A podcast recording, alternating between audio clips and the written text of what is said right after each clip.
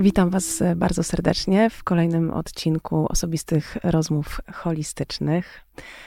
Jest ze mną bardzo wyjątkowa gościni. Bardzo, bardzo się cieszę, że się zgodziłaś. Jest ze mną Joanna Frejus. E, pozwól, Joanna, że po prostu przedstawię Cię e, i przytoczę Twoje bio, które jest e, wspaniałe i bardzo bogate. I mam nadzieję, że uda nam się poruszyć chociaż część tematów, którymi się zajmujesz. Jak nie, to zrobimy po prostu część drugą i część trzecią. Strona A, strona B. Tak, tak. Ja mam przygotowane cztery kartki tutaj pytań. E, Joanna jest psycholożką i psychoterapeutką w trakcie szkolenia poznawczo-behawioralnego. E, wspiera kobiety w powrocie do równowagi, budowania poczucia bezpieczeństwa i odporności psychicznej. Pomaga w nauce uważności, akceptacji i czułości, szczególnie tej dla siebie. Wspiera w wychodzeniu z depresji i zaburzeń lękowych oraz w zapobieganiu ich nawrotom. Pomaga w trudnościach spowodowanych wysoką wrażliwością, perfekcjonizmem, niską samooceną i wypaleniem. W swojej pracy koncentruje się na wspieraniu kobiet w okresie okołoporodowym.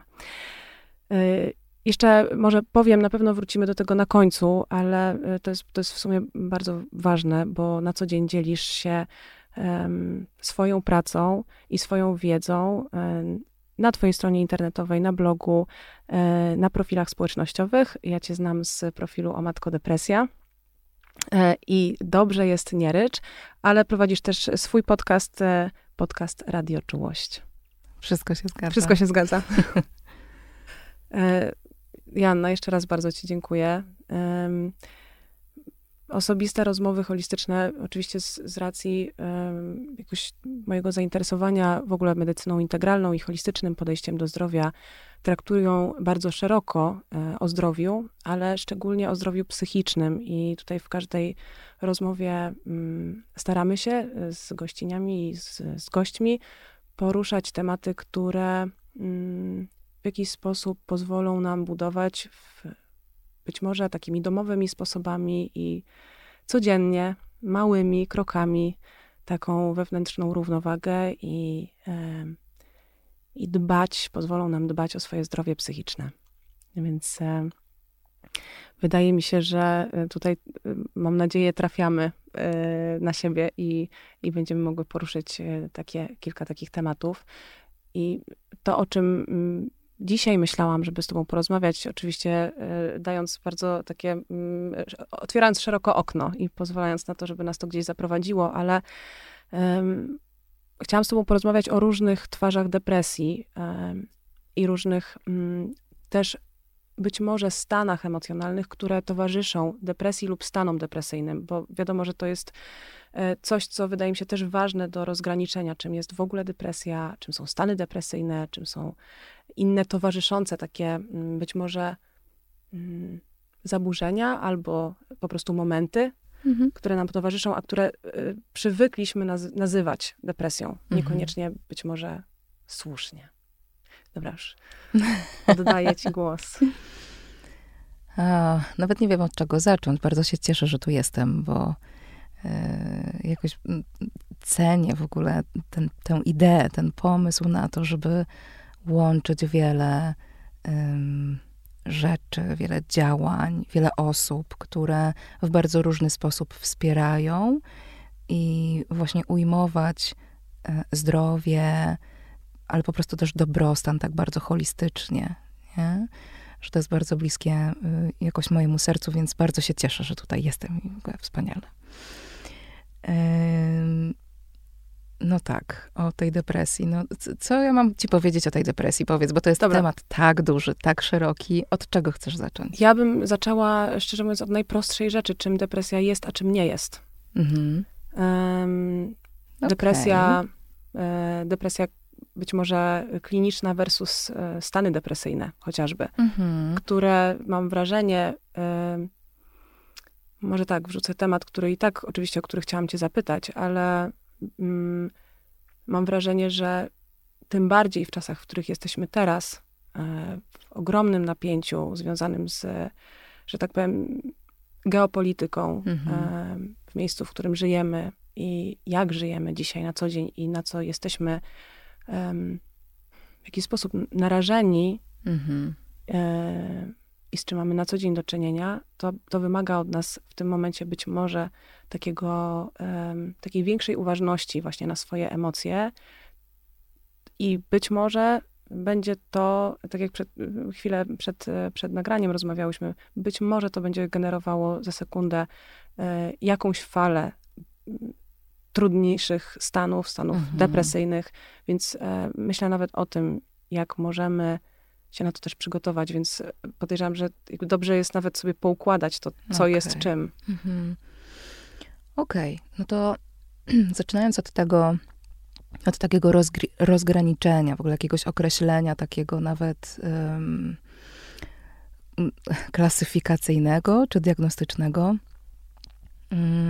to mamy do czynienia z kilkoma elementami. Czy jakby depresję możemy rozumieć na kilka różnych sposobów.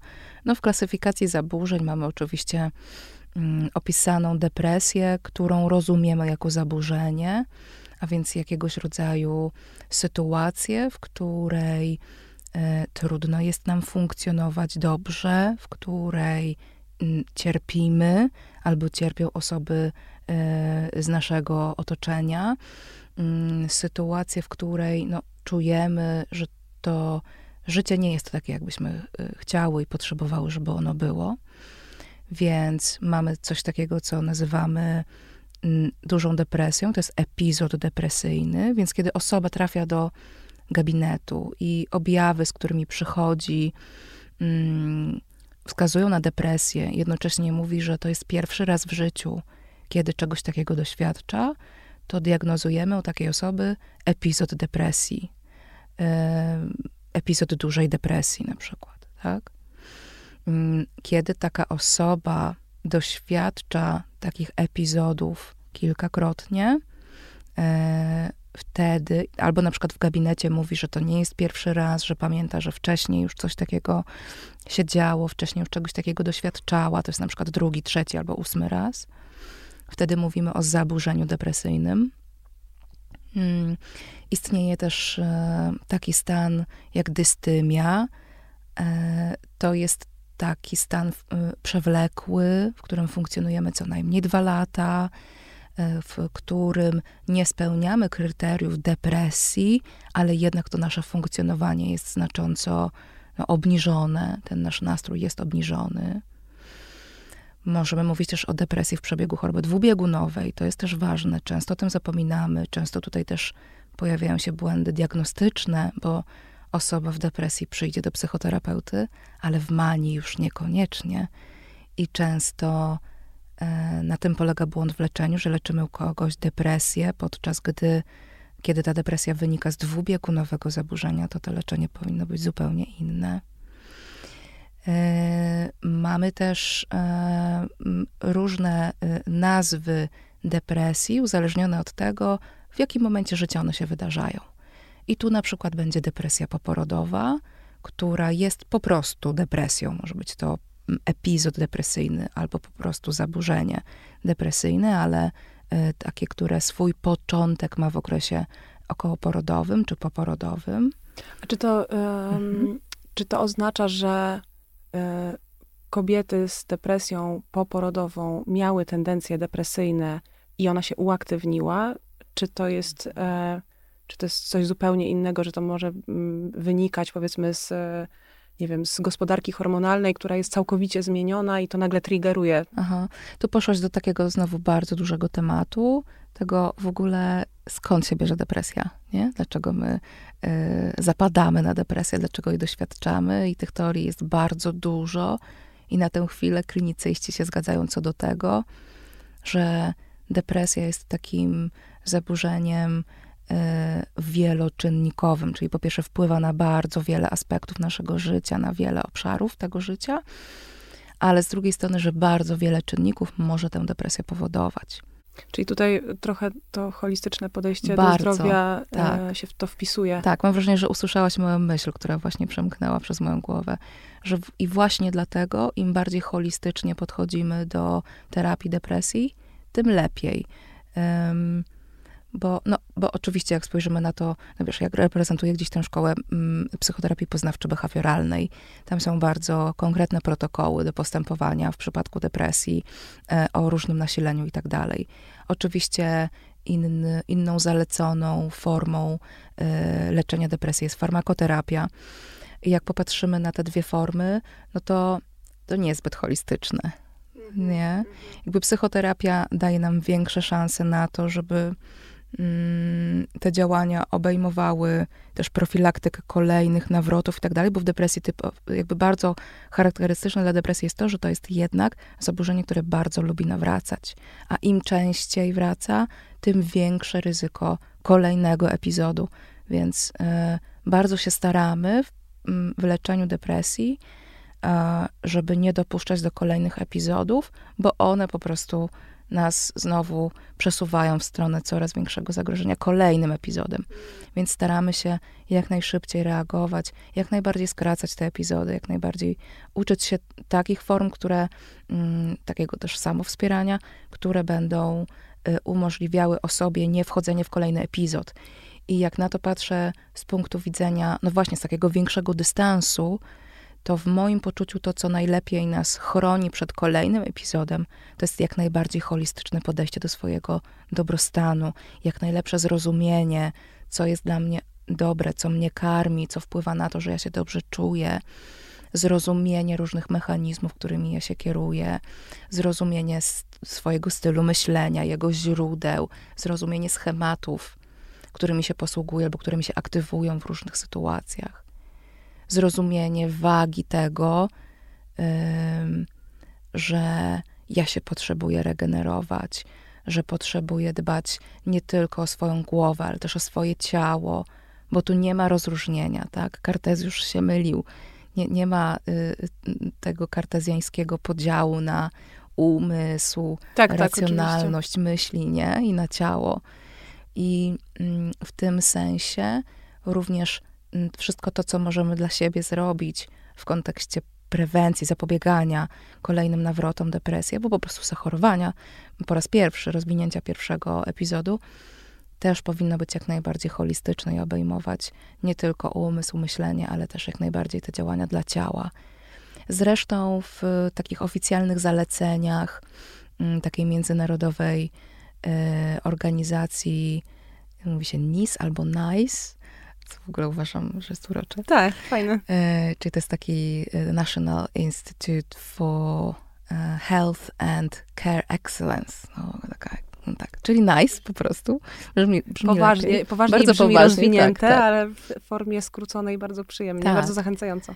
E, więc na liście e, tych działań, które e, są zalecane dla prewencji kolejnych epizodów depresji, jest mindfulness, jest uważność co pokazuje, mm, jak bardzo żałuję, że tam nie ma na przykład pracy z ciałem i tak dalej, ale rozumiem, że na to jeszcze jest Myślę, że... być może za mało dowodów. No właśnie, twardych, być może to jeszcze przyjdzie, tak, bo tak. jednak e, mówiąc nawet tak stricte behawioralnie, to są pewne, e, myślę, mm, czynności dnia codziennego, które nas trzymają w jakimś e, rytmie, tak. i które pozwalają zbudować jakieś poczucie bezpieczeństwa, ale też, wiesz, wydaje mi się, że takim kluczową rzeczą e, w, w tym, co mówisz, to jest, e, to jest właśnie akceptacja, bo zanim dojdziemy do tego momentu, w którym jesteśmy w stanie się sobą zaopiekować i na przykład znaleźć x e, rzeczy, które nam pomogą, czyli odpowiednią mm -hmm. dietę, nie wiem, czy tam aktywność fizyczną, czy, czy właśnie codzienna praktyka mindfulness, to takim kluczem do wszystkiego wydaje mi się najpierw, najpierw rozpoznanie i zdanie sobie sprawy z tego, że to mnie dotyczy, e, a dwa, potem zaakceptowanie siebie z tym, tak. czy, i, i, być może na przykład z tym, że, że to będzie nawracać i ja muszę w związku z tym o siebie zadbać. Potrzebuję, chcę. I, tak. i przewidzieć to, a nie, wiesz, odcinanie od siebie. Też. Tak, chociaż to jest też trudny temat, dlatego że jak y, czasami piszę albo mówię o tym, że ta akceptacja, wiesz, że ona jakoś jest potrzebna bardzo wielu osobom, żeby w ogóle rozpocząć ten proces dochodzenia do siebie, dochodzenia do zdrowia, do, do dobrostanu, e, że ta akceptacja jest potrzebna po to, żeby robić to z takiego miejsca zrozumienia, czułości, sa, takiego samodbania, to często słyszę, że to jest nie okej, okay, że jak to zaakceptować chorobę, że to jest jakby równoznaczne z tym, że no to już jest kawałek mnie i już tak zostanie i już nie będę nic z tym robić. Nic bardziej mylnego z mojego punktu widzenia. I mam wrażenie, że osoba, która doświadczyła kiedyś depresji i wie, mm, z jakimi bardzo trudnymi myślami na swój własny temat ona się często wiąże, z jak mm, małym, małą motywacją do robienia rzeczy dla siebie, bo gdzieś tam pod tym jest taka historia, taka narracja, że ja jakoś na to może nie zasługuję. Nie? Że, że, albo że w ogóle nie warto, że to i tak nic nie da. Ale to widzisz, na przykład mi się kojarzy akceptacja właśnie z, um, z tym, um, z, z większą uważnością na siebie samą i z większym poczuciem własnej wartości, bo ja mm, miałam taki, e, tak, taki przełom, myślę, jeden z oczywiście, no bo w życiu się zdarzają, zdarza wiele przełomów, ale taki, myślę, dla mnie jeden taki bardzo ważny, tak, że mnie zawrócił o 180 stopni. To był właśnie wtedy, kiedy mm, zdałam sobie sprawę z tego, że nie jestem szczęśliwa, że chcę być szczęśliwa, i to zaczęło determinować jakiś kolej. To była jakby tak, tak, taka baza. Nie jestem, ale chcę, chcę być, więc nie chcę już być dla siebie taka niedobra. Więc ym, i to, to, to pociągnęło jakby, wiesz, kolejne, zaczęło otwierać kolejne drzwi. I jakby ba, bardzo ciekawym procesem w tym wszystkim było to, że E, w pewnym momencie podjęłam decyzję o tym, na przykład, żeby zrezygnować e, z czegoś, co dla mnie było ekstremalnie ważne. To wtedy się wiązało z moją drogą aktorską, która finalnie do mnie w ogóle wróciła i jest teraz mi bardzo bliska, ale miałam taki moment e, cięcia, kiedy sobie powiedziałam, nie, nie, nie chcę tego robić, bo muszę zaakceptować siebie taką, jaką jestem, czyli być może zbyt, zbyt nie wiem, zbyt przeżywam wszystko jak na ten zawód, albo za bardzo mnie to obciąża, za bardzo się stresuję i to jest okej. Okay.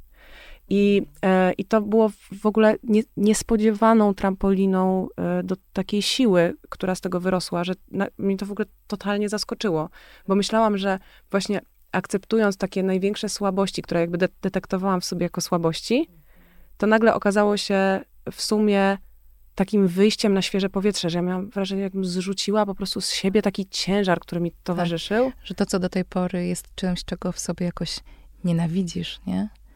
To tak. nagle staje się czymś, co jesteś w stanie w sobie przytulić. Tak, nie? jakoś się zaopiekować. Siebie z tym przytulić, się sobą zaopiekować. Tak. Jak mówisz o tym swoim punkcie, to ja się podzielę swoim punktem. Y, jakby nie jest żadną tajemnicą, że jestem osobą z doświadczeniem depresji. Y, I jak mm, słyszę tę dyskusję na temat y, tego, czy akceptacja pomaga, czy właśnie nie pomaga, bo tam jakoś, nie wiem, rozleniwia, nie, czy coś tam. Bo my się przyzwyczailiśmy do tego, że trzeba walczyć z depresją, nie? Tak, tak.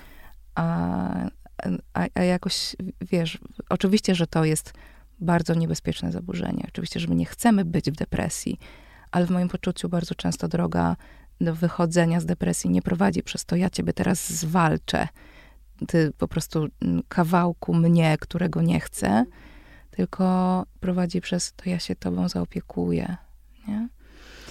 I y, ja mam taki bardzo y, żywy, w ogóle nadal dla mnie w pamięci, taki wiesz, osadzony w ciele moment, kiedy ja w swoim najtrudniejszym epizodzie depresji y, kompletnie pozbawiona w ogóle energii do życia,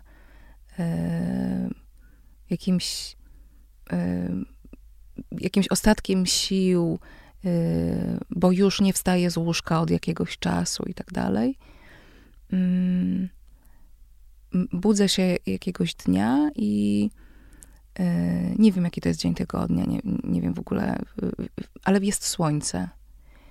I podchodzę do okna i patrzę przez to okno i bardzo wyraźnie czuję ten moment, kiedy puszczam tę walkę, kiedy puszczam tę narrację, coś jest ze mną nie tak, e, muszę się naprawić, e, to jest walka, powinna mieć na to siłę, muszę mieć ciągle zaciśnięte pięści, jestem, wiesz, złym człowiekiem, bo mi się to przytrafia. Doskonale pamiętam ten moment, tę sekundę, w której przyszła do mnie myśl, ja jestem po prostu chora.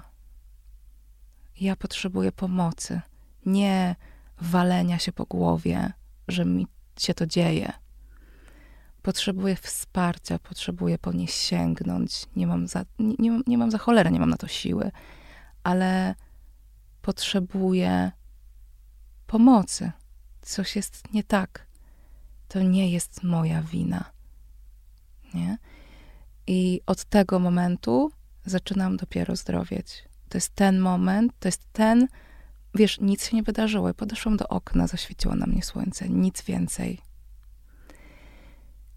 Yy, I to jest moment zwrotny w moim życiu, kiedy ja zaczynam, yy, gdy ja wchodzę w ogóle w proces leczenia, kiedy siebie za uszy wyciągam z tego stanu.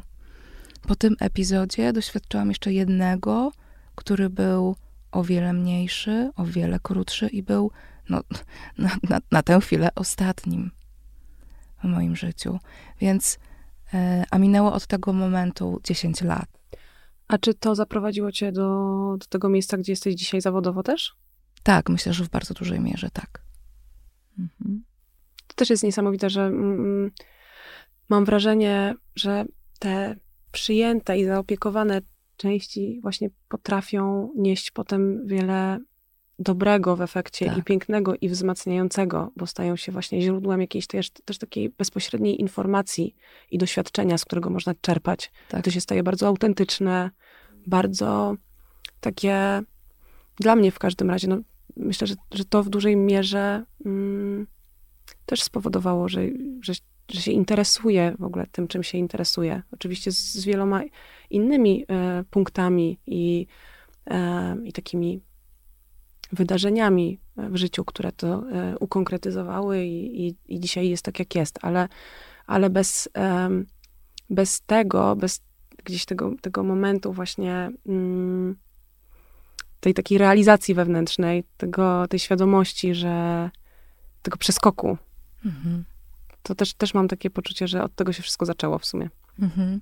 Wiesz, w ogóle bardzo dużo mm, takich działań psychoterapeutycznych też się wokół tego koncentruje, że my integrujemy różne części. Jest taka piękna terapia, terapia schematów, która w ogóle jest wprost o tym, że poznajemy różne części siebie. Oczywiście część będziemy e, tam te krytyczne głosy, będziemy, będziemy odsuwać, będziemy jakoś modyfikować takie różne tryby radzenia sobie, ale zaczynamy w ogóle od tego, żeby te wszystkie części siebie zauważyć, żeby je dogłębnie poznać, żeby sobie uświadomić, że my nie jesteśmy monolitem, nie? Że to nie jest tak, że jestem jakaś. Mhm. Zawsze, wiesz, o każdej porze dnia, nocy, roku jestem jakaś, nie? Bo to po prostu nie jest prawda. Mam bardzo różne kawałki w sobie. Tak, które dochodzą do głosu tak. e, w różnych momentach naszego tak, życia. Tak.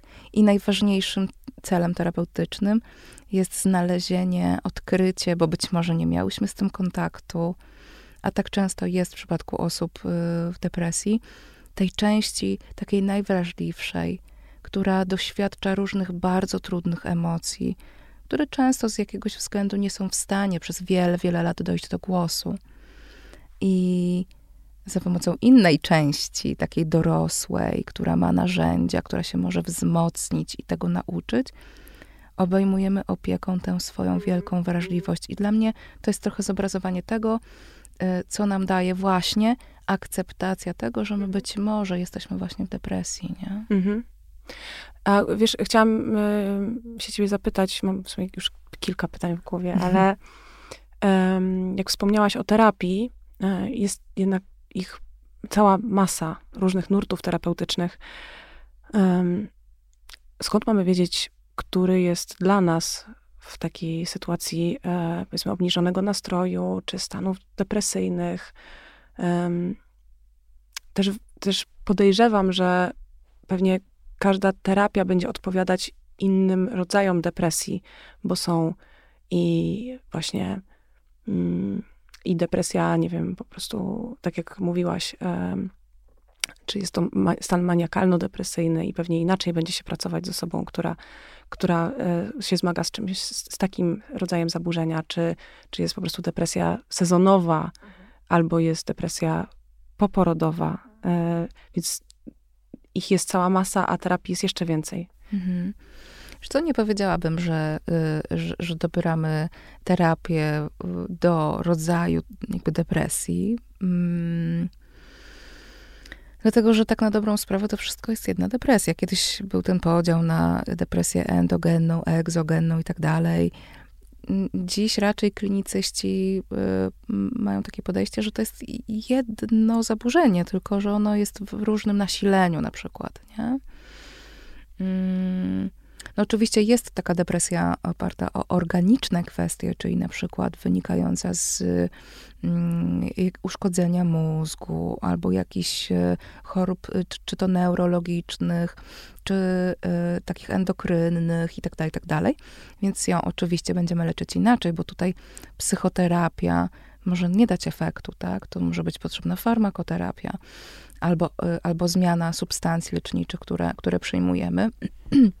czy w przypadku chorób nowotworowych itd., tak itd. Tak e, natomiast e, jeśli chodzi o psychoterapię, no to wiesz, ja reprezentuję szkołę psychoterapii poznawczo-behawioralnej, chociaż e, uczyłam się też psychoterapii gestalt, szkole się też w terapii schematów, więc to mm, pewnie łączę tutaj znowu trochę bardziej holistycznie, ale, no, ale jednak reprezentuję szkołę poznawczo-behawioralną. Y, y, więc, znaczy mówię to po to, żeby osoby też miały, brały poprawkę na to, bo gdybym nie ufała narzędziom, które daje terapia poznawczo-behawioralna, to bym się nie szkoliła w tym właśnie podejściu i nie stosowałabym go w gabinecie. Mm, natomiast myślę, że takie najbardziej, taka najbardziej neutralna odpowiedź będzie odsyłała do oficjalnych zaleceń NICE e, i to tutaj w oficjalnych zaleceniach, jeśli chodzi o terapię depresji, mamy terapię poznawczo-behawioralną, i terapię y, interpersonalną, taką mniej znaną w, w Polsce, mam wrażenie, um, lub farmakoterapię, przy czym chcę zwrócić uwagę na, i, i, to są jakby terapie pierwszego rzutu czy pierwszego wyboru. Natomiast chcę zwrócić uwagę na to, że farmakoterapia nie, y, nie obejmuje, y, ja lubię mówić, nie zaopiekowuje, ale potem zawsze dostaję informację, że tak się nie mówi ale powiem to, bo tak lubię. Więc farmakoterapia nam nie zaopiekowuje tego kawałka mm, nawrotów, depresji, nie zaopiekowuje nam tego kawałka takiej e, pracy z moim stylem myślenia, z moimi przekonaniami, schematami, które gdzieś powodują, czy mogły spowodować, że ja w ogóle się w tej depresji znalazłam. Więc w tym sensie, mm, kiedy mamy depresję albo o y, cięższym przebiegu, no wtedy oczywiście tę farmakoterapię y, prawdopodobnie włączamy, ale kiedy mówimy o, o depresji, o przebiegu łagodnym lub umiarkowanym, tutaj zdecydowanie można się zastanawiać, czy w pierwszej kolejności nie sięgnąć po psychoterapię, bo to no, istnieje duże prawdopodobieństwo, że to nas większy, mm, czy bardziej nas zabezpieczy przed nawrotem, przed kolejnym epizodem. Oczywiście nie musimy się nad tym zastanawiać same czy sami, tak? Możemy o tym porozmawiać ze specjalistą czy specjalistką, u, których w gabinecie się znajdziemy. Mm. Ale na to nakładają nam się jeszcze warunki polskie i powiedziałabym, że w Polsce to jest tak, że sięgamy po to, co jest dostępne.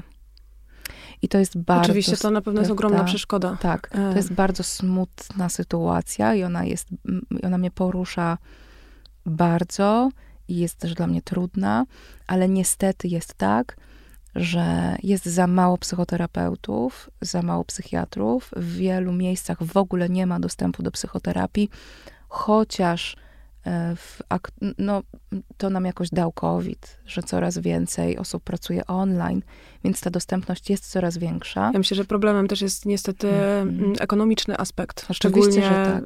teraz, tak. Po, po pandemii tak. i wiadomo, z pędzącą inflacją i to, e, to jednak jest bardzo, bardzo e, kosztowne narzędzie. Ja bym Dokładnie. nie przeceniła swojej terapii za nic. Jak miałam też dołki finansowe, to po prostu ja nie wiem, skąd ja brałam pieniądze na tą mhm. terapię, bo mhm. to się stało mm, w pewnym momencie dla mnie tak ważną, e, takim narzędziem w ogóle już samorozwojowym, że e, no, muszę powiedzieć, że, że to na pewno w jakimś stopniu bar bardzo zmieniło moje życie, terapia i jestem ogromnie za, za wdzięczna też mojej terapeutce za, za za takie towarzyszenie mi i, i naprawdę ogromnie się nauczyłam dużo podczas terapii. Ale y, jakby wiem, ile to kosztowało, więc oczywiście mówiąc też o, wiadomo, no, o tym, co jest dostępne, y, dlatego też, też chciałabym cię za moment zapytać o, o takie domowe sposoby i o to, co my możemy dla siebie zrobić na poziomie nawet takiego rozpoznania i pomocy, wiesz, takiej y, apteczka mm, domowa. Okej, okay, rozumiem.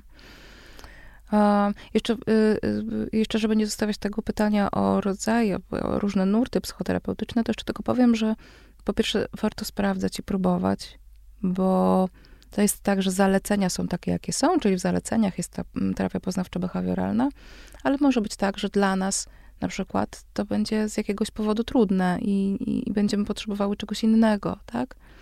Warto sobie popróbować, e, warto sprawdzać różne nurty, myślę sobie też, że to jest trochę tak, że y, różne nurty psychoterapii są dla nas dobre w różnych momentach, bo tak jak sama mówisz, nie? Czasami idziemy na terapię, bo mamy objawy depresji, potrzebujemy szybko zaopiekować te objawy a czasami chodzimy e, do psychoterapeuty po to, żeby po prostu się rozwijać, coś lepiej rozumieć i tak dalej. I tutaj inne nurty psychoterapeutyczne też mogą być, też mogą być ciekawe, mogą nam dawać różne narzędzia.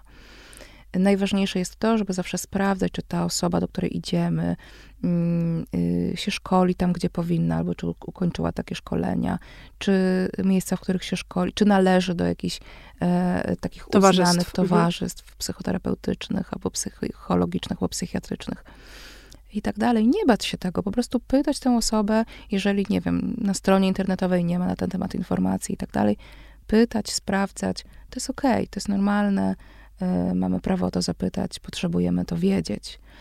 Mm, no i też pamiętajcie, że my na terapię idziemy z jakimś celem, tak? I ten cel powinien być jasno ustalony i, i, i jakoś powinnyśmy mieć możliwość sprawdzania co jakiś czas, monitorowania efektów w kontekście tego celu, tak?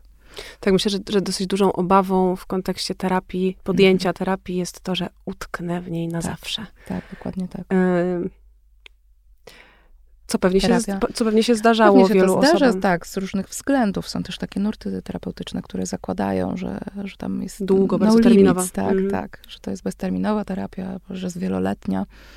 Tak, ale myślę, że myślę, że takim faktycznie niebezpieczeństwem w terapii jest to, że um, przyzwyczajamy się do takiego oparcia, które daje terapia E, i do zawsze tego, nie wiem, cotygodniowego takiego lustra, no tak. które się pojawia i zawsze odpowie, albo przynajmniej nawet jak, nawet w milczeniu, ale przejrzymy się.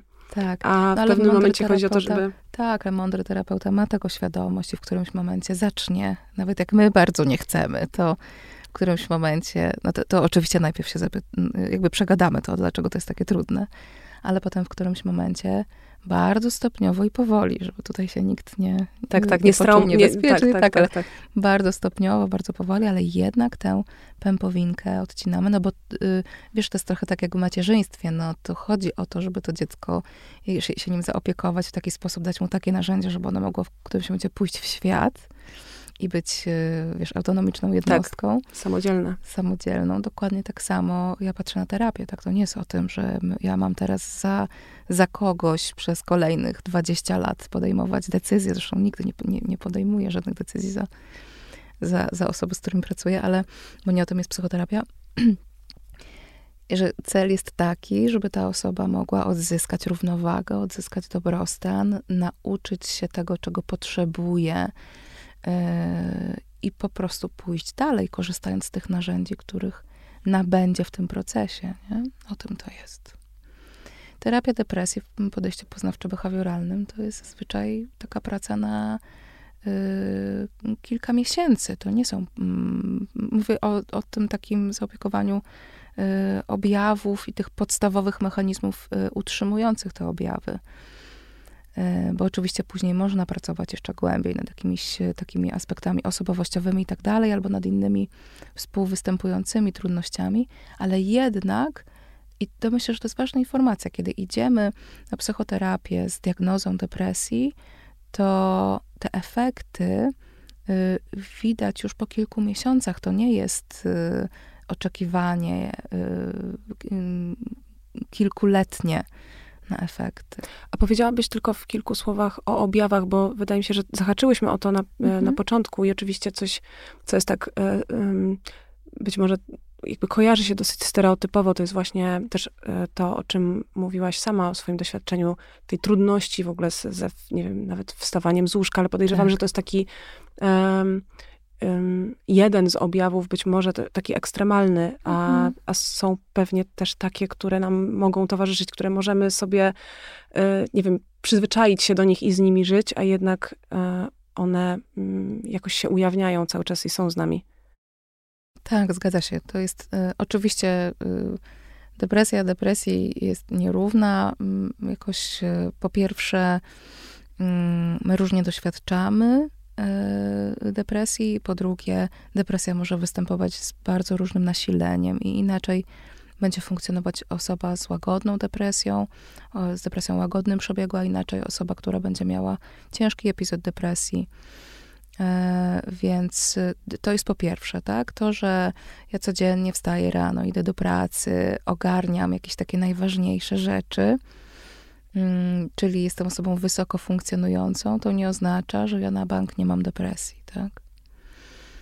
E, mm, te, te objawy, które są najczęstsze i są takimi podstawowymi objawami depresji, to jest na pewno to, o czym ty powiedziałaś, nie? Że nie czułaś się szczęśliwa i w depresji to jest charakterystyczne, że jest taka, taki stan anhedonii, taki stan, czyli y, że ja nie, nie czuję przyjemności, nie interesuje mnie to, co do tej pory było dla mnie interesujące.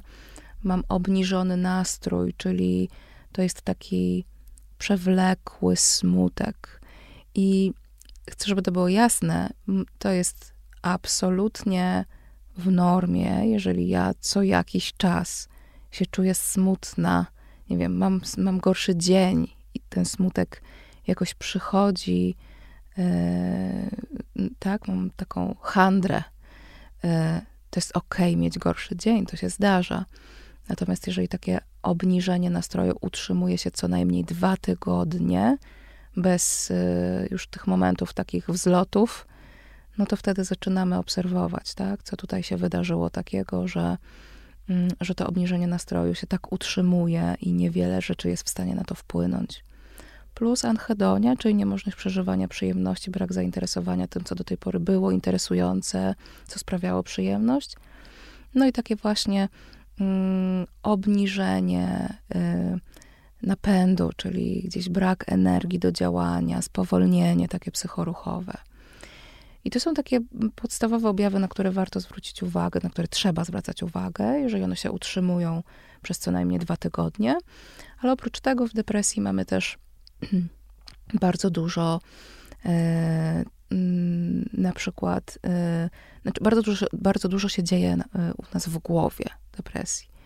I tu będzie dużo takich rzeczy związanych z poczuciem winy, z obniżonym poczuciem własnej wartości, z takim poczuciem beznadziei, takim silnym czarnowictwem, że właściwie w przyszłości to się nie wydarzy już nic dobrego, więc w sumie to wszystko jest bez sensu.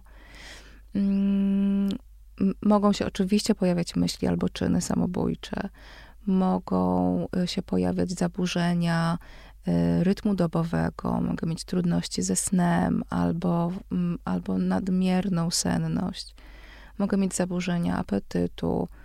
Mm, najczęściej to jest y, brak apetytu, ale zdarzają się osoby, u których ten apetyt jest wzmożony.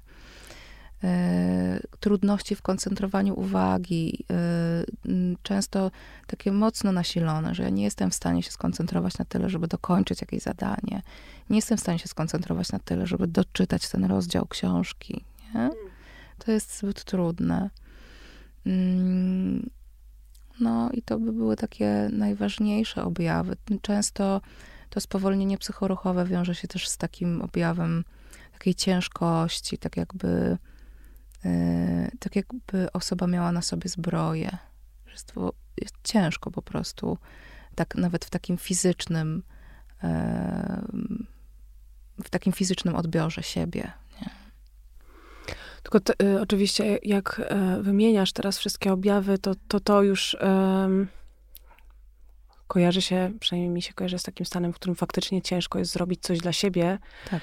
E, wiesz, z, z, e, z głębi samej siebie, że e, jest to na pewno taki już na tym etapie alarmujący stan, gdzie potrzebna jest konsultacja prawdopodobnie psychiatryczna, terapeutyczna.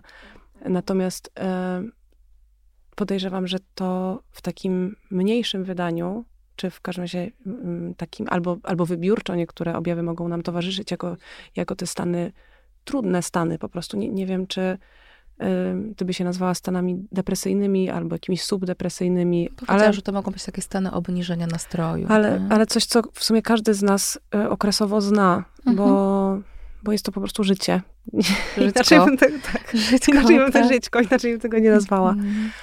E, więc, więc takie zataczając koło, ale ch chciałam jeszcze dopytać cię o, mm, o być może twoją perspektywę e, i, i twoje takie tobie najbliższe narzędzia bądź y, sposoby, y, coś, co cię koi i pomaga ci mhm. i co byś mogła doradzić mhm. innym. Super. Na początek potrzebuję powiedzieć, że nic, co wrzucimy do tej domowej apteczki, nie jest, nie zastąpi konsultacji ze specjalistą albo specjalistką. Jak, jak pytasz, yy, o to, do kogo tam pójść, z kim się skonsultować, kiedy czujemy, że coś może być nie tak, to ja to powtórzę, idziemy tam, gdzie jesteśmy w stanie się dostać w polskich warunkach.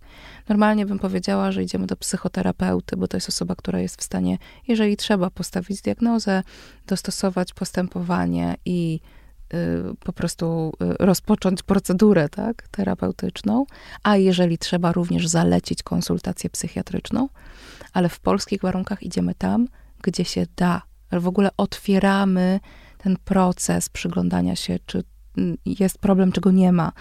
Czyli albo możemy iść do psychiatry, który może nam zalecić psychoterapię, albo zalecić farmakoterapię, albo do psychoterapeuty lub do psychologa, którzy są w stanie przynajmniej zdiagnozować, a psychoterapeuta również rozpocząć z nami terapię. Albo nawet, jeżeli nikt z tych e, specjalistów nie, nie jest dostępny, to nawet lekarz pierwszego kontaktu jest w stanie już w jakiś sposób nam pomóc. Być może nas gdzieś pokierować, być może przepisać nam pierwszy lek. Więc to jest ważne, żeby o tym pamiętać. Mm, natomiast takie domowe sposoby, taka domowa apteczka, to jest na pewno coś, co możemy dla siebie robić w kontekście profilaktyki. Profilaktyki zachorowania czy y, y, wykształcenia depresji, albo profilaktyki nawrotów, e, epizodów depresji. E, I e, dla mnie na pewno pierwszym narzędziem, które zresztą wyniosłam z własnej terapii, które jest ze mną od, od wielu lat i które jakby niezmiennie jest dla mnie podstawą jakiejś takiej profilaktyki dobrostanu w ogóle, to jest oddech. I to są ćwiczenia oddechowe. Myślę sobie, że każda osoba, która w jakiś sposób ćwiczenia oddechowe stosuje, to ma swoje ulubione. Tu nie chodzi o to, żeby mieć cały, wiesz, podręcznik 500 metod oddechowych i tam je wszystkie praktykować.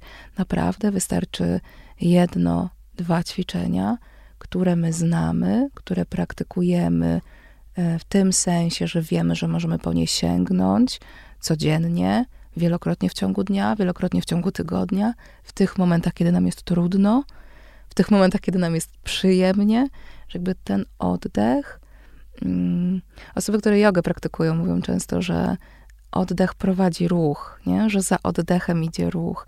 I dla mnie to ma dużo szersze znaczenie. No tak, to jest bardzo piękne, mhm. symbolicznie to traktując. No, tak, że y, jakby ten oddech jest czymś, co na tak bardzo wielu poziomach jest wspierające. Wiesz, że ten oddech jest moim kontaktem ze mną. Ten oddech jest moim narzędziem uważności. Ten oddech jest czymś, co mnie wprawia w ruch, ale ten oddech jest też czymś, co rozpręża napięcia, które się pojawiają w ciele i tak dalej, nie? Jakby, no, y, jest ba, ba, bardzo duże znaczenie ma dla mnie ten oddech, więc najprostsza praktyka oddechu po kwadracie, najprostsza praktyka oddechu dolnożebrowego, to jest coś, co mnie po prostu prowadzi przez życie. I wiesz, nawet jak jadę na takie spotkanie z tobą tutaj, to y, jak mam 30 minut, y, y, jak się przemieszczam, no to jak w banku, że zrobię ze dwa razy takie ćwiczenie, nie? Po prostu jest to już taki element mojego dnia. I bardzo ważna informacja też dla osób, które tu słyszą jakieś takie, o, to taki jakiś, nie? New Age, fafarafa, tam oddychać, nie? E, znaczy, no, poza tymi osobami, które mają świadomość, że cały czas to robimy i wystarczy trochę zmienić sposób e, e, tego oddychania, żeby on już nas wspierał. Są też bardzo, bardzo twarde dowody na to, że oddech, a szczególnie wydech, moment wydechu, łączy się po prostu z naszym, z działaniem naszego autonomicznego układu nerwowego i ma ogromną taką neurobiologiczną moc kojenia tego pobudzenia e, autonomicznego, wagalnego i tak dalej. I też e, e, okazuje się, że przy wydechu wydychamy jakąś niezliczoną ilość toksyn, więc jest to jeden też z elementów oczyszczania organizmu. Oddech jest niesamowity. Ja też jakoś przeżywam fascynację mhm, oddechem jest. i jakby wieloma twarzami tego oddechu, bo faktycznie od takiego prozdrowotnego, fizjologicznego, prawidłowego oddychania e, zaczynając, mm -hmm. gdzie okazuje się, że trochę pozapominaliśmy tak, z biegiem czasu. Tego, tak jak nie robimy tego tak, żeby to było wspierające, tak, zgadza się. Po praktyki oddechowe, które oczywiście mają mm, jakiś inne dla nas znaczenie i prowadzą nas tak. trochę w inne rewiry, tak. te, o których mówiłaś, o wprowadzaniu tego wewnętrznego tak. ruchu. Ja w ogóle y, m, lubię myśleć o tym, że to jest niemożliwe, żeby natura nam dała oddech tylko po to, żebyśmy dostarczali y, do organizmu tlen a, i, i wydalali y, te, te, gazy, które nie są nam potrzebne. Wiesz, no, że to jest... Y, każda tak. praktyka duchowa y, odwołuje się do oddechu i to tak. już nie, niezależnie od kultury i niezależnie od geografii, ale faktycznie jest to, jest to y, podstawowe e, pierwsze narzędzie. Tak, dokładnie e... tak. No i jak wyjdziemy od oddechu, to zaraz obok oddechu dla mnie w tej mojej apteczce leży uważność i w zasadzie to jest jedno ćwiczenie, nie? To jest jedna praktyka, bo bardzo często tym, co jest nam najłatwiej zrobić, żeby się w ogóle zacząć jakoś spotykać z tą swoją uważnością, to jest po prostu uważne oddychanie. Więc mm, tu na pewno y, znowu wcale tu nie o to chodzi, żeby siedzieć. Znaczy, oczywiście, że to by było wspaniałe, gdyby każda osoba, która nas słucha, nagle znalazła w swoim życiu 40 minut na, na ćwiczenia uważnościowe, y, y, czy y, uważnościowo-oddechowe i tak dalej, ale no, jakby jestem realistką, tak? I to tak nie wygląda, więc najprostsze ćwiczenie, trzyminutowa przerwa na oddech, albo skanowanie swojego ciała po prostu tym promieniem uważności, no, mm, to jest coś, co możemy zrobić w kilka minut. Możemy to zrobić w ułamku sekundy nawet, po prostu sprawdzić, jak ja się teraz mam, tak? Jak ja się teraz czuję w jakiej pozycji jest moje ciało, czy jak gdzieś się czuję napięta. O, poprawiasz się, no właśnie. Tak. No właśnie o to chodzi, no Właśnie poczułam, że mam taką nogę zdrętwiałą mam, ale widocznie była zdrętwiała już od jakiegoś czasu. No, a dopiero teraz poczułam. jest ta uważność, tak. nie? Idzie, no właśnie o tym jest uważność, że zobacz, kiedy jestem uważna, to ja mogę nie tylko zmienić pozycję, bo mi noga zdrętwiała, tak, i zapobiec odpadnięciu nogi, ale kiedy jestem uważna na siebie, to ja mogę też mm, zauważyć te momenty, kiedy mi jest trudniej psychicznie i na to zacząć reagować. Kiedy jestem uważna na to, jak się mam, jak się czuję, mogę zauważać pierwsze jakieś mikroobjawy tego, że jest jakoś trudniej, że, że potrzebuję się zregenerować, bo potrzebuję się sobą bardziej zaopiekować. Kiedy jestem uważna na siebie, mogę zauważyć własne procesy myślowe i dzięki temu być po prostu y, jeszcze bardziej w kontakcie ze sobą, podejmować różne decyzje y, w sposób mniej y, na autopilocie, a bardziej w kontakcie ze sobą i z tym, co faktycznie jest mi potrzebne. I potrzeba to jest bardzo ważne słowo w tej rozmowie. Mhm. Bardzo chciałam porozmawiać o potrzebach jeszcze, mm. ale myślę, że to jest faktycznie temat na kolejną godzinę tak, co najmniej. Tak. Obok tych, e, obok oddechu, obok uważności e, leżą takie bardzo podstawowe rzeczy, o których my bardzo rzadko rozmawiamy w kontekście zdrowia psychicznego, ale to jest jedzenie na przykład. To jest sen. Tak? Jedzenie, które mnie karmi, e, e, zamiast takiego, które mnie jakoś zapycha. Jedzenie, które zawiera te mm, e, elementy, Oczywiście, odżywcze. Odżywcze. Y, jest cała gałąź e, psychodietetyki, czy, e, e, czy nawet takiej psychiatrii żywieniowej, która posługuje się już naprawdę wieloma badaniami, również z udziałem ludzi, bo, kiedy, bo jeszcze jakiś czas temu to było głównie z udziałem zwierząt, ale również z udziałem ludzi, które nam pokazują, że kwasy omega 3, 6 i 9, witamina D3, witamina B12, magnez, że to są wszystko te elementy, które wspierają nasze zdrowie psychiczne, że ich niedobór w organizmie powoduje obniżenie nastroju. I ja absolutnie nie mówię tego, że my witaminą D3 wyleczymy depresję, bo to jest E, zbyt skomplikowany mechanizm, ale kiedy mówimy o e, prewencji, kiedy mówimy o profilaktyce nawrotów, to już zwracanie uwagi na to, co jem i czy to, co jem, pracuje na moją korzyść, czy na moją niekorzyść, ma bardzo duże znaczenie. Oczywiście, i to, i to znowu jest o takim kompleksowym traktowaniu Oczywiście, problemu. że tak, tak. To samo, jeżeli chodzi o sen. Ja nie mogę od siebie oczekiwać, że będę się czuła dobrze psychicznie i fizycznie, jeżeli nie śpię, jeżeli nie dostarczam swojemu organizmowi momentów regeneracji. Hmm.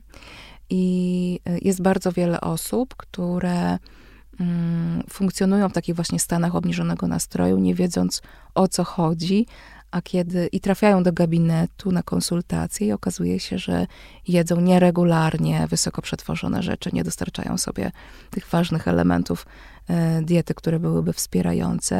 E, regularnie zasyp, za, zarywają noce albo chodzą spać bardzo późno, wstają bardzo wcześnie i tak dalej.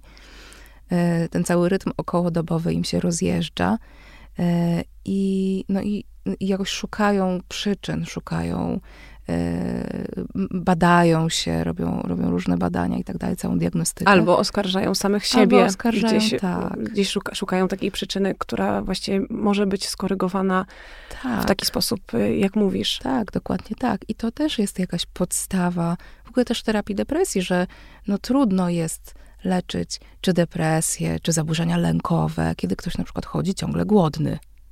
Tak, no bo to po prostu jest znowu o jakiejś niezaspokojonej, bardzo podstawowej potrzebie. No i ten ruch też o nim wspomniałaś i ja wiem, że to już po prostu tam już połowa osób właśnie wyłącza to, to, to nagranie. Mówi, Jezu, znowu mnie mówić, że mam tam Znowu ta yoga. Na aerobik. Nie, znowu ta yoga, tak. Tu w ogóle nie chodzi o to, żeby chodzić na jogę. Tu chodzi o to, żeby wprawiać swoje ciało w ruch, bo jednak jest tak, że nasze ciała są stworzone do tego, żeby się poruszać niech to będzie spacer. To jest wszystko ok, ale niech to ciało ma możliwość się trochę ruszyć. Jeśli my e, kursujemy tylko od biurka do łóżka i od łóżka do biurka, bo nie wiem, pracujemy zdalnie, to już teraz nawet nie mamy tego momentu, kiedy idziemy do pracy, nie? To tego ruchu może być za mało. I niestety jest tak, że to będzie wpływało na nawet od takiej strony neurobiologicznej, tak, właśnie na o tym chciałam powiedzieć. Oczywiście. Tak, na, na gospodarkę hormonalną i tak dalej. To jest po prostu turbo ważne, żeby się ruszać, dlatego że nasze ciała są zbudowane tak, że duże rzeczy regulują też w ten sposób. Ta gospodarka hormonalna jest związana z tym, czy to nasze ciało ma możliwość się ruszyć, czy nie. Mm, Więc to naprawdę, ja wiem, że te rzeczy brzmią jakoś tak bardzo podstawowo, ale, ale one wy... naprawdę są podstawą po prostu. I, a cały czas y, mam wrażenie, mamy problem z tym, żeby jakoś uwierzyć, że to, jest, że to wszystko jest po prostu jakaś podstawa funkcjonowania. Ale też e, wypracowanie takiej systematyczności tak. wcale nie jest takie już proste. Nie jest, bo to nie są rzeczy, które, bo aktualnie ten styl życia, który prowadzimy, który większość z nas prowadzi, szczególnie mam tutaj na myśli, nie wiem, mieszkańców dużych miast, pracujących w takiej pracy, no nazwijmy to biurowej, nie? No to jednak ja rozumiem, że tutaj kompletnie ten styl życia nie wspiera, nie? Yy, stosowania tych, tych no, metod, to jest duże słowo, wprowadzania w życie tych yy, takich bardzo podstawowych punktów, ale jednak potrzebujemy zrozumieć, że dopóki tego nie robimy, dopóty będziemy się zmagać z tymi trudnościami, będzie nam trudno, będzie nam siadał nastrój, yy, a jak się do tego dodadzą jeszcze elementy dużego stresu, dużego obciążenia, braku regeneracji, braku kontaktu z żywymi ludźmi, braku kontaktu z naturą. To są zobacz kolejne rzeczy tak, z tej tak. apteczki domowej. To niestety, ale może być tak, że będziemy rozwijać zaburzenia, bo nie będziemy mieć tych małych kotwic, które mogłyby nas utrzymać, które by mogły wpływać na naszą rezyliencję, a więc które czyniłyby nas odpornymi na no, ten niekorzystny wpływ e, naszego stylu życia. Joanna, ja mam z przygotowanych stu tematów poruszyłyśmy, ale dla mnie bardzo poruszająco e, jakąś część ich, więc mam nadzieję na kontynuację. ale tak e, czuję, że tematem przewodnim trochę przewijającym się był ruch mhm. dla mnie. Przynajmniej bardzo wybrzmiał. Mhm. Bardzo Ci dziękuję. Bardzo Ci dziękuję, że przyszłaś, e, że się podzieliłaś i sobą, i swoją wiedzą e, w tak wrażliwy sposób. Dzięki. E, jeszcze tak na koniec podsumowując, e, gdzie, się, gdzie ciebie szukać? Oprócz oczywiście y, tego, co powiedziałam na początku, czyli można na pewno do ciebie pisać poprzez Instagram albo na stronie internetowej cię znaleźć, ale mhm. y, czy jeszcze e, coś chciałabyś dodać, jakieś wskazówki, jeżeli ktoś by był zainteresowany rozmową z tobą? Trzy najważniejsze miejsca, gdzie mnie można znaleźć, to jest o matko depresja, y, głównie na Instagramie. No, można pisać, ale ja nie mam powiadomień. Żyję bez powiadomień, często żyję bez telefonu w ogóle gdzieś w pobliżu, więc y, czasami trzeba poczekać, aż odpowiem. E, można mnie znaleźć, posłuchać, jakby ktoś jeszcze miał ochotę, e, w moim podcaście Radio Czułość na platformach e, do słuchania podcastów. A więcej o mnie, o tym, czym się zajmuję na co dzień, e, na mojej stronie joannafrajus.pl. Dziękuję. Dzięki. Música